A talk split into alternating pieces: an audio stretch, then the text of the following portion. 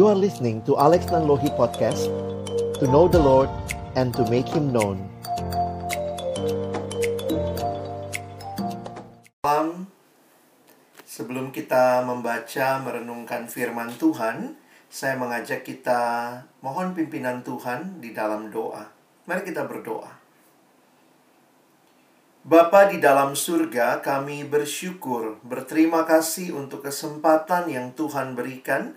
Malam hari ini kami boleh datang bersekutu, memuji, memuliakan namamu, dan tiba waktunya bagi kami untuk membuka firman-Mu. Kami mohon ya Tuhan ketika kami membuka firman-Mu, bukalah juga hati kami, jadikanlah hati kami seperti tanah yang baik, supaya ketika benih firman Tuhan ditaburkan boleh sungguh-sungguh berakar, bertumbuh, dan juga berbuah nyata di dalam kehidupan kami. Berkati baik hambamu yang menyampaikan, setiap kami yang mendengar, Tuhan tolonglah agar kiranya kami bukan hanya menjadi pendengar-pendengar firman yang setia, tapi mampukan kami di dalam kehidupan kami, dalam masa muda kami. Kami boleh menjadi pelaku-pelaku firman-Mu, di dalam kehidupan kami. Bersabdalah ya Tuhan, kami anak-anakmu sedia mendengarnya di dalam satu nama yang kudus, nama yang berkuasa, nama Tuhan kami Yesus Kristus. Kami menyerahkan pemberitaan firman-Mu. Amin. Ya, kembali saya menyapa teman-teman sekalian. Shalom, selamat malam.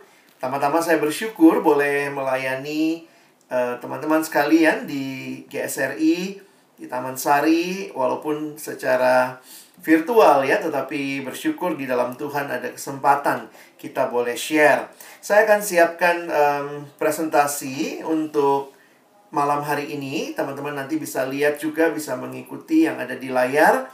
Dan hari ini tema yang kita sama-sama akan pikirkan dan renungkan adalah percaya dulu atau berjuang dulu. Nah, ini satu hal yang menarik begitu ya. Waktu kita bicara seperti orang bertanya mana duluan nih, telur dulu atau ayam dulu begitu ya. Dan ini jadi pertanyaan yang di dalam kehidupan beriman kita. Ini juga sering kali menjadi pergumulan. Nah, saya ingin mengajak kita untuk melihat satu bagian firman. Ada banyak hal sebenarnya kalau kita mau melihat di sepanjang Alkitab kita yang mencoba menggali atau memberikan pemahaman tentang uh, topik ini. Tapi saya ingin mengajak malam hari ini kita melihat di dalam uh, bagian berikut ini, gitu ya. Oh, sorry. Hmm, sebentar. Baik, kita akan melihat dalam Markus pasal yang kedua Markus pasal yang kedua ayat yang pertama sampai dengan ayat yang ke-12. Nah, saya sudah menuliskan ayat-ayatnya ada di screen, jadi teman-teman tidak usah bolak-balik, silahkan lihat screennya. Um, dan malam ini kita akan lihat Markus pasal 2 ayat 1 sampai ayat yang ke-12. Baik, um, Alex akan baca terlebih dahulu dan saya berharap teman-teman bisa mengikuti dan kita akan baca sampai ayat 12. Kemudian sesudah lewat beberapa hari, waktu Yesus datang lagi ke Kapernaum, tersiarlah kabar bahwa ia ada di rumah. Maka datanglah orang-orang berkerumun sehingga tidak ada lagi tempat, bahkan di muka pintu pun tidak.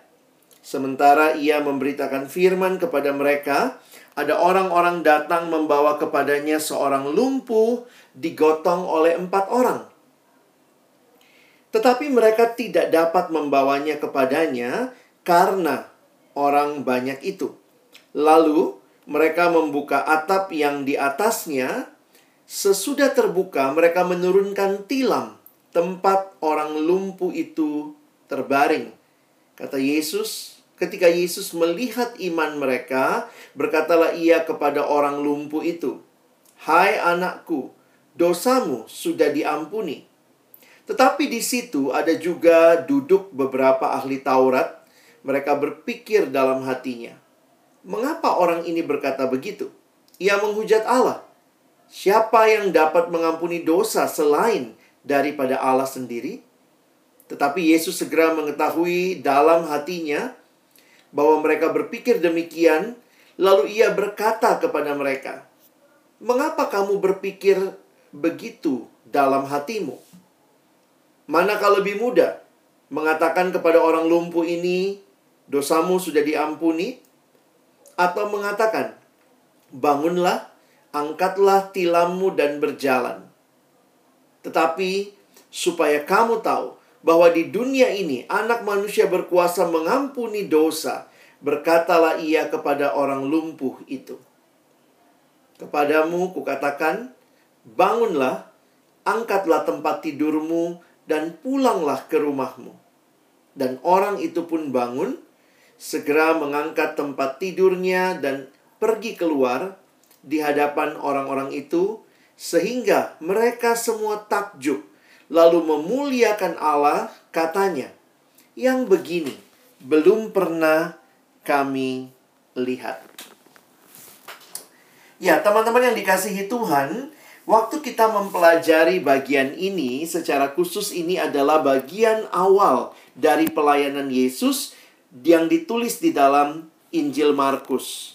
Kalau teman-teman mempelajari sesudah Yesus dicobai di padang gurun, Injil Markus mulai mencatat bagaimana Yesus mulai melayani. Dari mana? Dari daerah Galilea, tempat di mana Tuhan Yesus sendiri kampungnya dari Nazaret. Nah, karena itu kalau teman-teman memperhatikan, nah ini sedikit ya kalau kita mau pelajari, bisa lihat petanya, bisa kalian zoom in atau zoom out begitu ya. Kemudian sesudah lewat beberapa hari, tadi kita udah baca, waktu Yesus datang lagi ke Kapernaum ya, Yesus dari Nazaret, dia ke Kapernaum. Kapernaum itu sebelah utaranya Danau Galilea ya.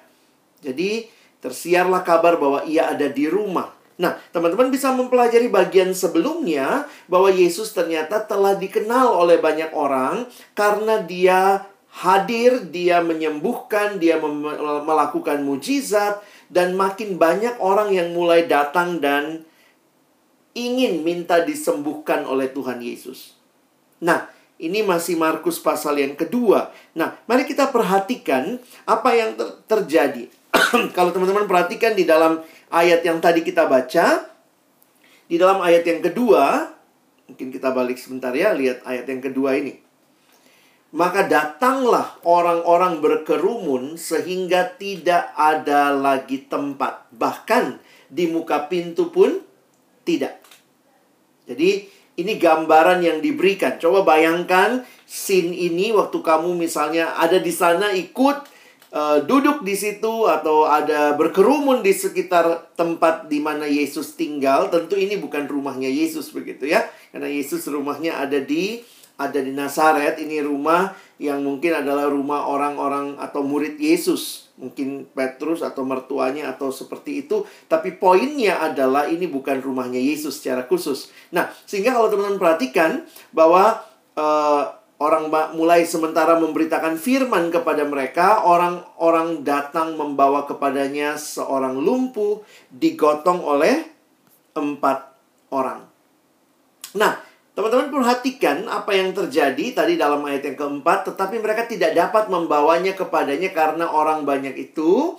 Lalu mereka membuka atap yang di atasnya. Nah, mungkin kalau kita bayangkan, wow, ini gimana ini? Mereka melakukan uh, apa ya?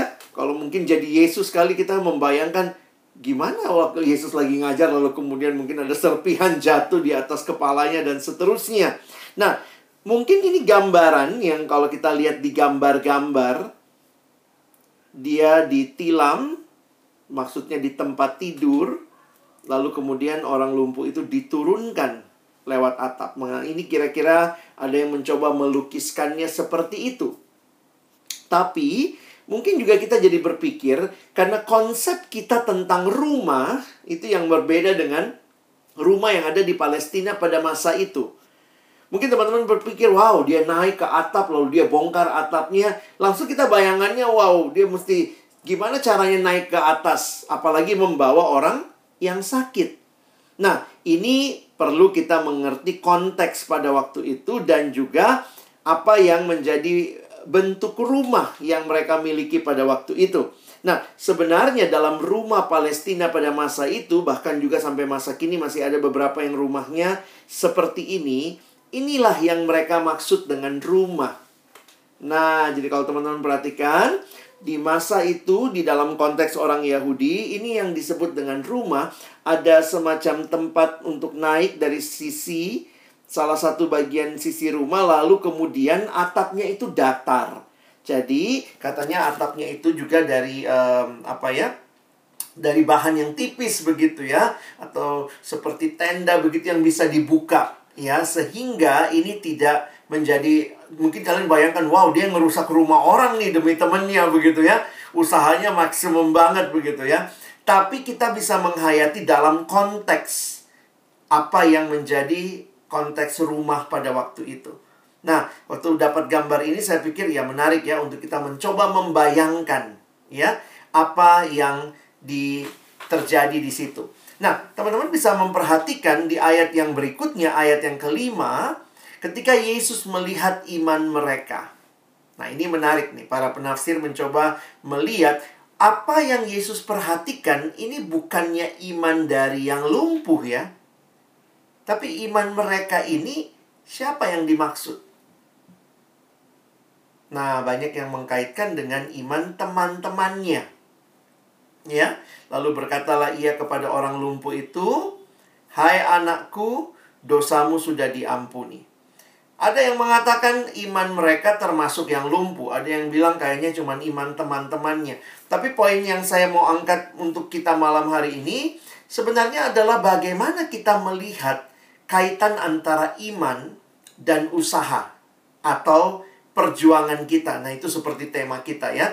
Nanti kita akan masuk ke sana. Tetapi yang menarik sekali untuk kita perhatikan, di dalam ayat yang kelima ini, Yesus tahu persis apa yang sebenarnya menjadi kebutuhan terdalam dari orang lumpuh ini.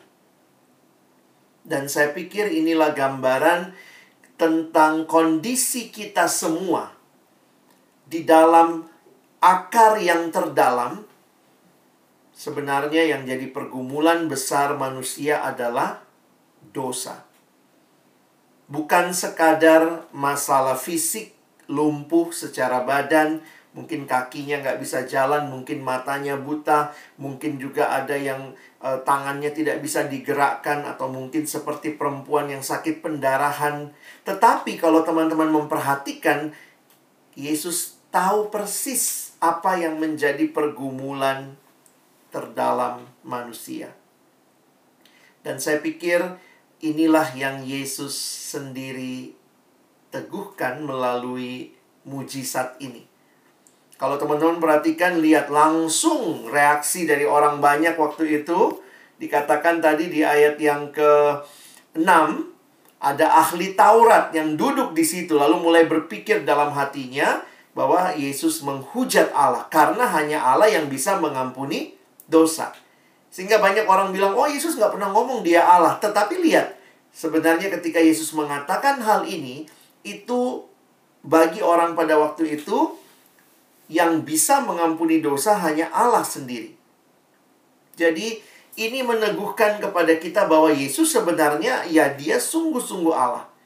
Dan apa yang terjadi di ayat ini, kalau teman-teman perhatikan, saya coba menyimpulkan demikian ya our deepest problem is not from outside, but actually from inside.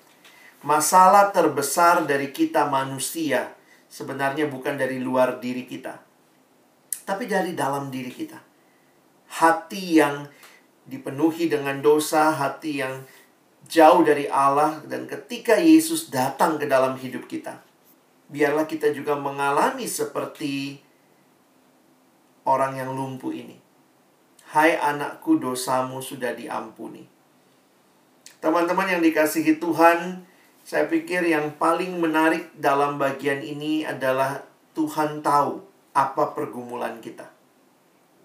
Tadi di pembukaan um, liturgis mengatakan bahwa kita mungkin punya masalah masing-masing, punya pergumulan masing-masing tapi yang menarik yang saya ingin ingatkan bagi kita adalah Tuhan tahu apa yang jadi pergumulan terdalammu dan Tuhan juga sudah memberikan anaknya Yesus Kristus mati di kayu salib untuk pengampunan dosa kita. Jadi apa yang sebenarnya dinyatakan Yesus dalam bagian ini menunjukkan sebenarnya Tuhan yang paling paham apa yang jadi our deepest problem. Nah, teman-teman, ketika kita melihat hal ini, Tuhan tahu apa yang jadi masalah utama kita, maka kita mungkin mulai dengan pertanyaan yang menjadi tema kita malam ini. Bagaimana menyelaraskan iman percaya kita saya percaya, saya yakin, saya beriman. Itu istilah yang biasa kita pakai dengan usaha. Karena sering kali orang berpikir ya kalau saya beriman, sungguh-sungguh ya saya nggak usah usaha. Atau kemudian kalau dia bilang kalau saya usaha, berarti saya kurang beriman. Nah, tentu iman di sini yang kita bahas bukan kaitan dengan keselamatan. Karena kalau iman dalam kaitan keselamatan atau yang biasa disebut sebagai saving faith, itu bukanlah usaha kita. Itu jelas Alkitab menyatakan demikian. Tetapi iman yang kita bicarakan di sini adalah bagaimana di dalam keseharian hidup kita berkaitan dengan bagaimana kita memahami apa yang Allah nyatakan sebagai karunia, sebagai berkat, sebagai tuntunannya. Nah, kita mau bicara iman dalam konsep yang bukan saving faith, tetapi iman dalam keyakinan percaya kita dalam keseharian menjalani hidup. Kenapa ini sering kali jadi apa ya, jadi diskusi? Karena ya namanya manusia kadang-kadang ada yang begini nih. Ada anak siswa pernah datang sama saya lalu bilang gini anak remaja ya Kak Alex pokoknya saya kalau ujian berserah sama Tuhan. Oh maksudnya berserahnya apa nih? Ya udah saya cuma doa. Wah, doa gitu ya? Dalam pengertian saya bukannya saya meremehkan doa tapi dari cara dia ngomong kayaknya dia pasrah banget sama doanya dan kemudian dia mengatakan Nah, anak ini dari gereja yang bisa berbahasa roh begitu ya. Dia bilang kadang-kadang kalau saya nggak bisa ngisi kak, pokoknya saya doa aja pakai bahasa roh. Lalu nanti kemudian Tuhan kasih jawabannya apa. Terus kemudian saya tanya sama pembimbingnya waktu itu ya, ini anak kayak apa nih di sekolah? Terus pembimbingnya bilang, waduh prestasinya juga so-so lah ya, biasa-biasa aja. Lalu saya jadi mikir gitu, iyalah abis dia over spiritualize terlalu berlebihan rohaninya seolah-olah ya sudahlah saya serahkan kepada Tuhan lalu saya diam. Saya nggak belajar. Nah, ini bukan demikian. Banyak kali ketika kita bicara menjalani pergumulan hidup orang suka nanya gitu ya apakah saya harus serahkan sama Tuhan atau saya harus tetap memperjuangkan Nah, ini yang um, saya coba mengajak kita memikirkan bersama malam hari ini. Saya mau coba mungkin mendeskripsikannya sedikit seperti ini. Kita harus bisa membedakan antara apa yang namanya kontradiksi dengan apa yang namanya paradoks. Nah, ini gimana Kak maksudnya? Nah, kita coba dulu ya. Kontradiksi itu kan berlawanan. Paradoks juga kayaknya ada sifat berlawanan, tapi mari kita lihat bedanya ya. Nah, kontradiksi itu begini. Kalau ada dua fakta, ada fakta A, ada fakta B. Kalau fakta A kontradiksi sama fakta B, berarti kalau A benar, maka B pasti ya pasti salah. Itu yang namanya kontradiksi. Demikian sebaliknya. Kalau B benar, maka A pasti salah. Itu yang namanya kontradiksi. Lalu bagaimana dengan paradoks? Nah, paradoks ini juga ada dua fakta, A dan B misalnya. Nah, yang menarik begini, kalau paradoks ketika bicara A, maka A itu kalau A benar, lalu kemudian B benar juga. Tapi kelihatannya kontradiksi. Nah, ini gimana tuh? A benar, ya benar. B benar, benar juga. Walaupun kelihatannya kontradiksi. Nah, di dalam hidup beriman kita, saya harus ingatkan bahwa banyak sebenarnya yang adalah sifatnya paradoks. Mengapa? Ya karena Tuhan menyatakannya sebagai sebuah paradoks. Coba Alex kasih contoh begini. Misalnya, pernyataan pertama. Allah Maha Tahu. Ya atau ya? Ya iya ya, benar ya. Allah Maha tahu. Itu pernyataan A. Pernyataan B. Kita harus berdoa kepada Allah. Benar apa tidak? Benar. Kelihatannya kontradiksi. Kalau Allah sudah tahu, ngapain saya berdoa? Nah, ini jadi menarik nih. Kelihatannya kontradiksi. Nah, di dalam Alkitab itu ya kita disuruh cari, ketuk, minta dalam doa. Tapi juga di sisi lain Tuhan sudah tahu. Tuhan sudah menyediakan. Jadi akhirnya kalau kita lihat dua paradoks seperti ini, nah ini ini triknya ya atau kuncinya. Ketika kita berhadapan dengan paradoks, maka perlakukanlah sebagai paradoks, jangan dikontradiksikan. Ada anak datang kak saya udah malas berdoa, kenapa? Kan Tuhan udah tahu. Atau sisi yang lain, uh, kak saya berdoa, kenapa? Karena kan Tuhan nggak tahu ya. Jadi misalnya saya berdoa Tuhan, saya mau zoom meeting nih. Tuhan nggak tahu kan saya lapor nih, saya kasih tahu ya. Nah, situasi seperti ini yang sering kali dalam hidup beriman kita, nah bersyukur nih ya kalian hari ini yang masih muda-muda ya, bahwa sejak masa muda ketika engkau menemukan paradoks, maka dalam paradoks saya melihatnya kita nggak disuruh memilih. Beda sama kontradiksi. Kalau kontradiksi ya tentu pilih yang benar. Tetapi kalau paradoks karena dua-duanya benar, maka sebenarnya kita nggak diminta memilih. Jangan berarti gini, karena Allah maha tahu ya saya nggak usah berdoa. Jadi seolah-olah memilih. Kalau saya berdoa itu karena Allah nggak tahu. Tidak demikian. Hidup beriman kita tidak seperti itu. Karena itu saya sering kali membayangkan paradoks itu seperti, ya ini tentunya kereta api yang di rel 2 begini ya, jangan bicara monorail ya. Kalau monorail beda cerita, tapi kira-kira makanya ilustrasi yang saya kasih begini. Rel mana yang lebih penting? Rel kiri apa rel kanan? Ya dua-duanya penting. Kalau nggak ada dua rel ini nggak jalan keretanya. Jadi jangan memilih ketika kita bicara paradoks, ketika apalagi misalnya di Alkitab mengatakan berdoalah, mintalah, itu kan Tuhan perintah. Di sisi lain Allah Maha tahu. Jadi seolah-olah kalau saya di memilih, maka saya merasa yang satu lebih benar daripada yang lain atau karena yang ini saya lakukan maka yang sana tidak saya lakukan. Jadi sebenarnya pertanyaan ini ya kalau saya coba tempatkan juga ini pertanyaan yang juga mirip seperti penjelasan saat tadi ini sebenarnya adalah paradoks. Saya menghayatinya sebagai paradoks dalam konsep maupun dalam realita hidup nyata. Teman-teman, percaya tidak meniadakan perjuangan. Dan sebaliknya, perjuangan bukan berarti nggak percaya. Begitu ya. Nah, saya melihatnya sebenarnya posture atau sikap yang paling pas untuk mengkombinasikan percaya dan berjuang bagi kita, orang percaya. Saya lihat ini sebenarnya sikap berdoa. Sebenarnya di dalam doa, sekali lagi doa sebenarnya bukan jalan terakhir ya. Jadikan doa sebagai jalan pertama dalam semua pergumulan berjuang di dalam doa itu pun menyatakan percaya kepada Allah. Jadi uh, saya melihat um, kiranya kita belajar mengkombinasikan dua paradoks ini atau dua fakta paradoks ini di dalam doa.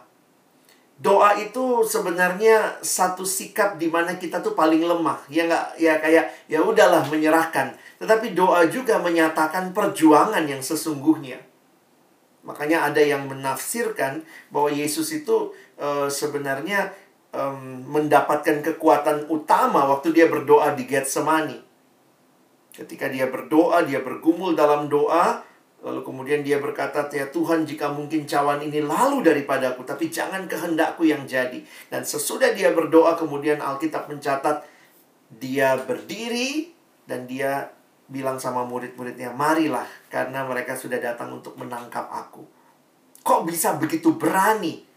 Karena di dalam doa itu, Yesus menghadapi salib itu seperti seorang yang memang sudah ready begitu ya bagi saya ini satu gambaran yang menarik ya ketika kita bicara tentang paradoks ini.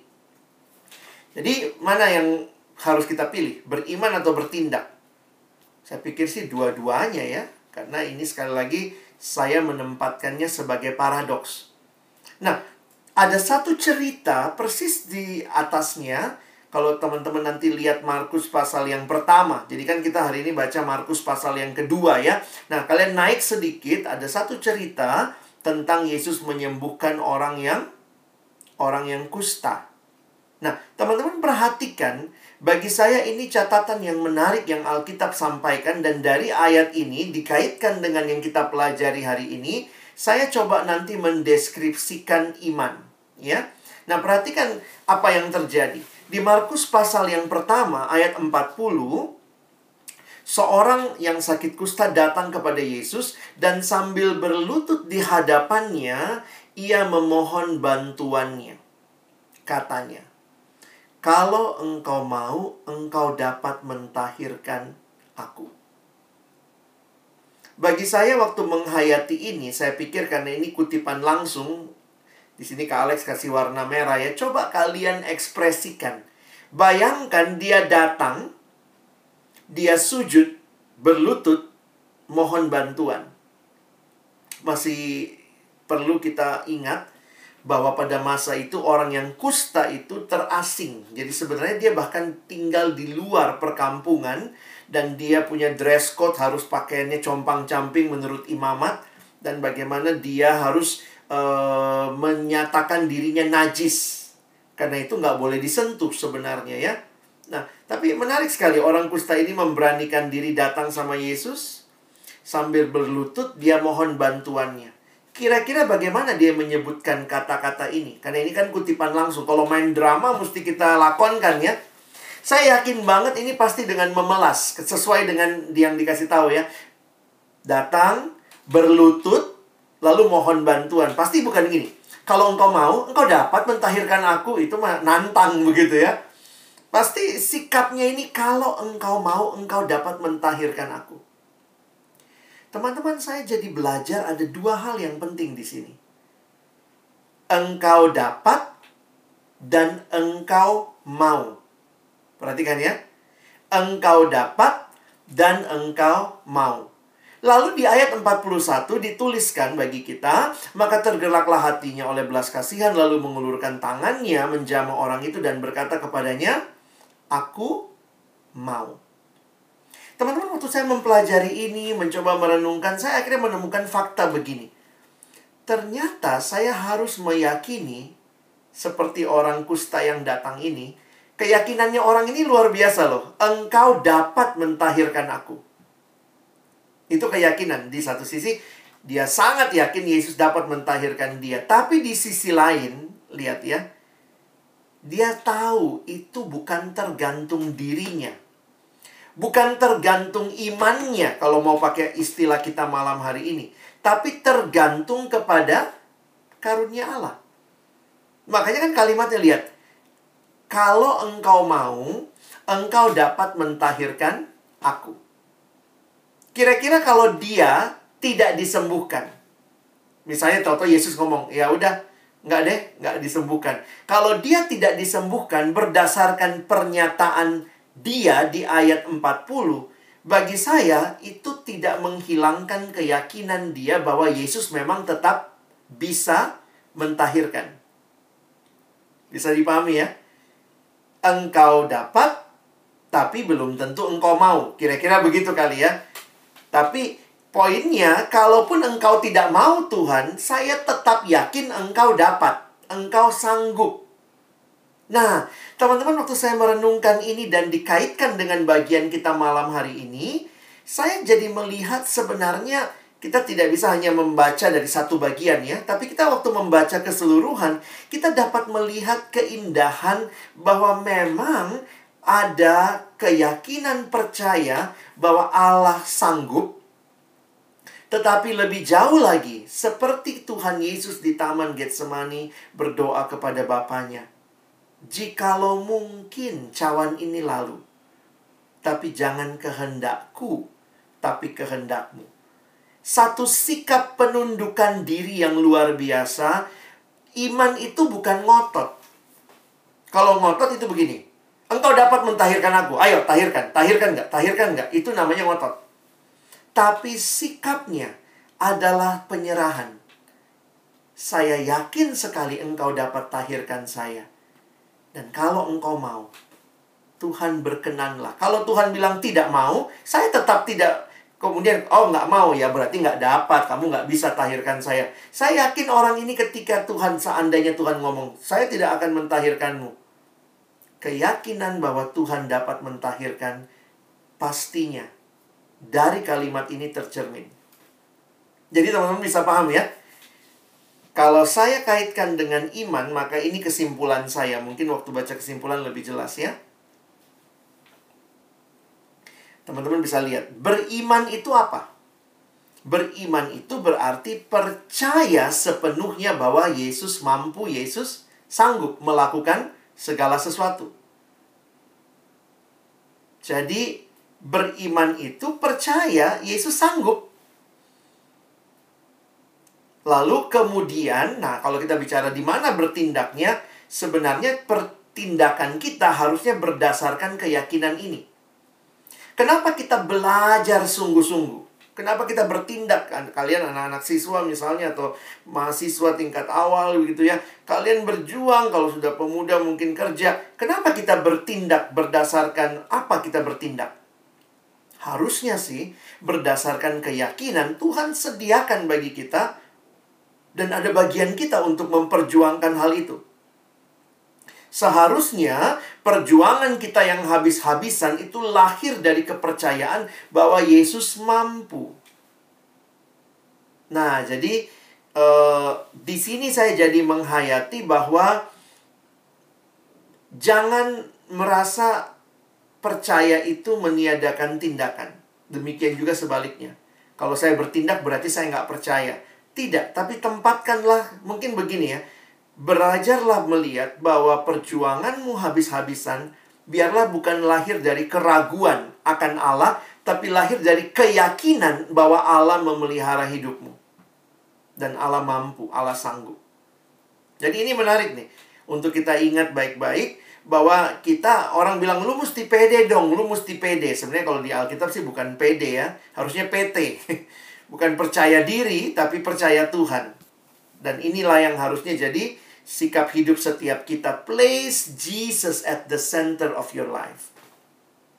Dan harusnya ini lahir sikap hidup yang uh, seperti itu. Teman-teman saya saya mungkin bisa share beberapa pengalaman menghayati ini. Jadi um, ketika ketika misalnya ada pergumulan dalam kehidupan keluarga kita, ada pergumulan misalnya sakit penyakit.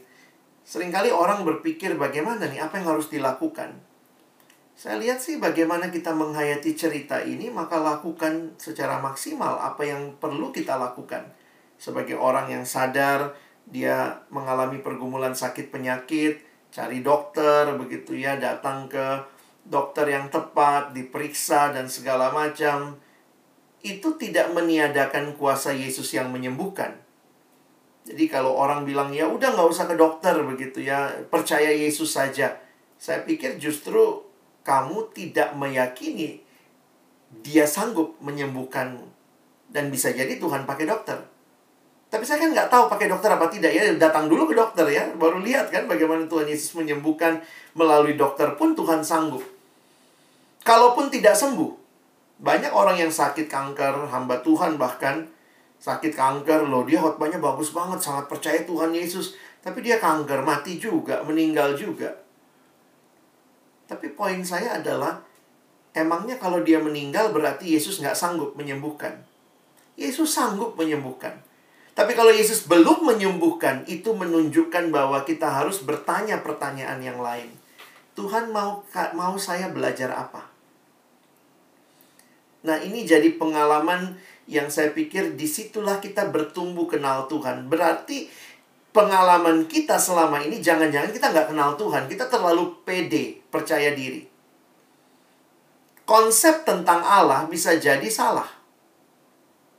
Saya kasih contoh. Saya beberapa kali diundang kebaktian persiapan ujian nasional. Nah, itu waktu offline gitu ya. Kalau mau ujian nasional aja, kebaktian persiapan. Apalagi sekolah-sekolah diundang. Saya beberapa kali mengisi. Lalu kemudian waktu itu ada ada pertanyaan begini. Saya tanya sama teman-temannya. Teman-teman, kalau kalian kalian lulus ujian nasional, Tuhan baik, itu semua jawab baik gitu ya. Gampang sekali. Terus saya tanya lagi, kalau kalian tidak lulus ujian nasional, Tuhan baik? Nah, ba, ba, gitu ya udah bingung jawabnya. Kenapa kita punya konsep tentang Allah yang demikian? Karena kita merasa Allah itu baik atau tidak baik tergantung apa yang saya alami. Kalau yang saya alami menurut saya baik, oh Tuhan baik sama saya. Kalau yang saya alami nggak baik menurut saya, oh Tuhan lagi nggak baik sama saya. Jadi sebenarnya pertanyaan mendasar jangan-jangan pemahaman kita tentang Allah tidak tepat.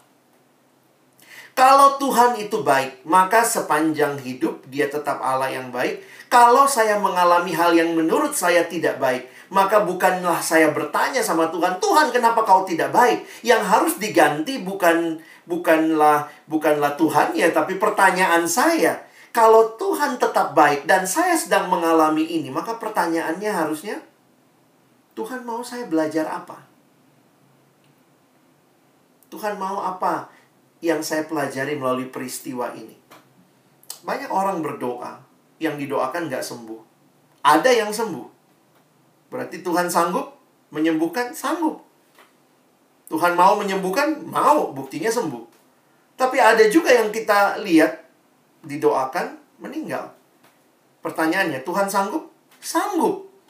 Tuhan sanggup menyembuhkan, tapi bukan itu yang jadi rencananya bagi orang itu saat ini. Misalnya dia harus meninggal dan kemudian terjadi hal yang lain mungkin yang lebih buruk yang dialami. Tetapi dalam peristiwa itu kiranya kita tidak kehilangan iman percaya kita bahwa dia tetap sanggup. Sehingga yang harus saya tanyakan, Tuhan mau saya belajar apa? Nah ini terakhir sebagai penutup, demikian juga kita memahami pandemi ini. Saya jujur harus katakan saya pun nggak tahu Tuhan kenapa demikian itu ya. Tapi yang saya tahu engkau Allah yang baik. Engkau Allah yang berkuasa. Berarti kalau Tuhan mau hentikan corona malam ini bisa nggak? Oh bisa. Gampang banget dia Allah Maha Kuasa. Tapi kalau corona ini tidak berhenti juga, besok pagi masih ada, apakah kita jadi nggak percaya oh dia nggak maha kuasa nih kayaknya nih Allahnya kayaknya kurang bagus nih Allah nih. Ganti Allah lain deh. Poinnya adalah justru kita sebagai gereja Tuhan kemudian masuk dalam perenungan yang dalam. Tuhan apa yang engkau mau kami pelajari. Kadang-kadang Tuhan tidak langsung jawab. Tapi Tuhan bilang mari datang kepadaku. Belajar berserah kepadaku. Belajar meratap. Ketika Yesus melihat Yerusalem, dia meratap. Di perjanjian lama ada kitab ratapan. Menarik sekali kalau teman-teman baca kitab ratapan. Tidak ada kalimat Tuhan sama sekali. Dari awal sampai akhir itu cuma ratapan.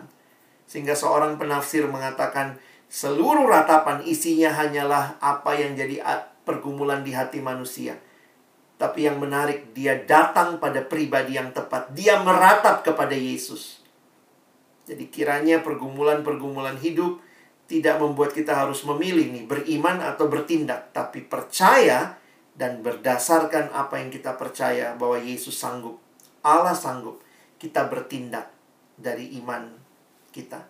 Kalau kalian miliki ini sejak kalian masih muda, saya rindu kita pun akhirnya bisa terus belajar melihat pekerjaan Allah yang besar di dalam dan melalui hidup kita.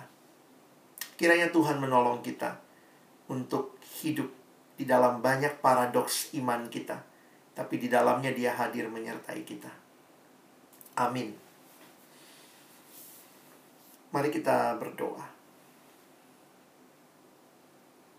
Biarlah firman-Mu setiap kebenaran dan setiap wawasan penjelasan yang kami terima malam ini menolong kami menapaki hari-hari hidup kami ke depan sebagai orang-orang muda yang punya banyak energi, yang punya banyak keinginan, yang punya banyak kemampuan. Tapi kami diingatkan sekali lagi bahwa semuanya itu asalnya dari Tuhan. Dan karena itu biarlah kami pakai bagi kemuliaan Tuhan. Dalam hidup beriman kami sering kali kami harus bertanya mengapa demikian. Kadang-kadang kami merasa harus memilih. Tapi malam ini kami diingatkan, diberikan cara pandang yang lain bahwa dalam situasi-situasi yang sulit sering kali kami harus menjalani keduanya. Menyadari Engkau Maha Kuasa bukan berarti semua hal akan berjalan dengan sendirinya. Tapi ada usaha yang kami lakukan di dalam keyakinan akan kemahakuasaanmu. Itu bukan hal yang kontradiksi, tapi itu hal yang paradoks. Tuhan tolong agar kami bukan cuma jadi pendengar firman, tapi jadi pelaku firman. Dalam nama Yesus, kami berdoa, kami bersyukur. Amin.